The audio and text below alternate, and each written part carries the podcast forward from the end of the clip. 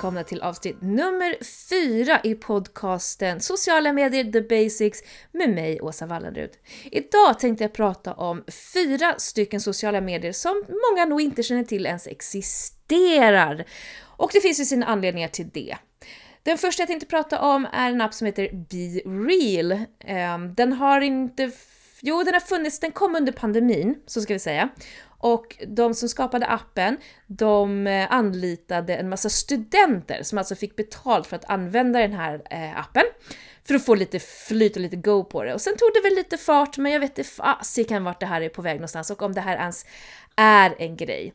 Vi pratade tidigare avsnitt om det polerade innehållet i bland annat Instagram. Det här är den totala motsatsen och det kanske hörs på namnet Be Real. En gång om dygnet så får man en, en eh, vad heter det, en påminnelse, en notis att nu är det dags att publicera på BeReal. Då handlar det om att man under en viss tid, eh, en begränsad tid, och det är bara någon minut, två, tre kanske eller något sånt där, eh, då ska man ta en bild och då kommer kameran ta bild både med frontkameran och bakkameran. Där hela syftet handlar om att visa exakt vad du gör just nu, hur du ser ut just nu. Det ska liksom inte finnas något uppstylat, sminkat, stageat, utan ligger du i soffan, då är det så. Är du ute och går i skogen, då är det så. Är du i mataffären, då är det så. För att visa på att vi alla bara lever ett vanligt liv helt enkelt. Eh, det har pratats lite mer om det här, men det verkar inte bli någon riktig, riktig hit. TikTok har såklart också skapat en variant på det här som heter TikTok Now. Och det är alltså en helt egen app som inte finns i TikTok-appen. Men det finns genvägar därifrån till den här TikTok Now-appen. Och det är precis samma sak. Du får en notis, eh, lite fler än en gång per dygn faktiskt.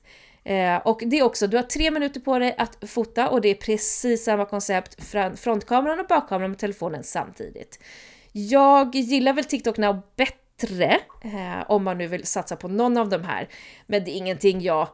Jag bryr mig inte så mycket om det här faktiskt. Men eh, ja, de finns.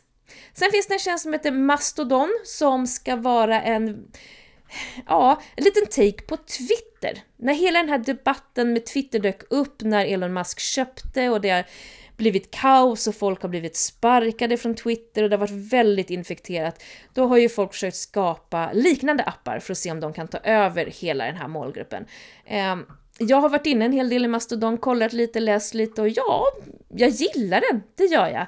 Men jag vet inte hur lätt folk kommer att ha det för att gå från Twitter till någonting annat när Twitter är så djupt rotat sedan många, många år tillbaka. Men det finns i alla fall en variant på det som heter Mastodon, så kolla gärna in det!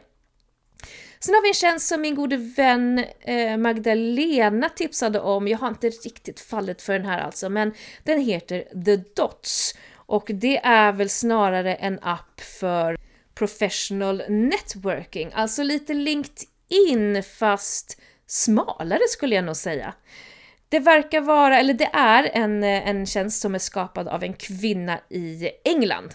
Så den är väldigt London-fokuserad, det är liksom där den här har vuxit.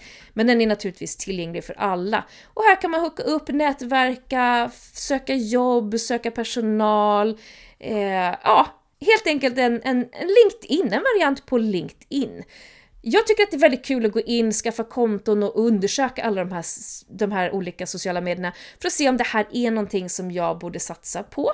Och jag tycker att det är viktigt att vi alla försöker göra det för att veta vad kanalerna handlar om för att sen ta helt rätt beslut och inte bara stoppa upp fingret i luften och tänka att äh, men, det här blir nog bra. Utan gör er research, prova er fram. Det finns fler halvokända sociala medier och eh, vi får se om vi dyker in i någon annan längre fram. Har du koll på någon som du vill att jag ska researcha och prata mer om så kontakta mig omedelbart så fixar jag det. Ni får ha en fortsatt trevlig dag så hörs vi imorgon igen.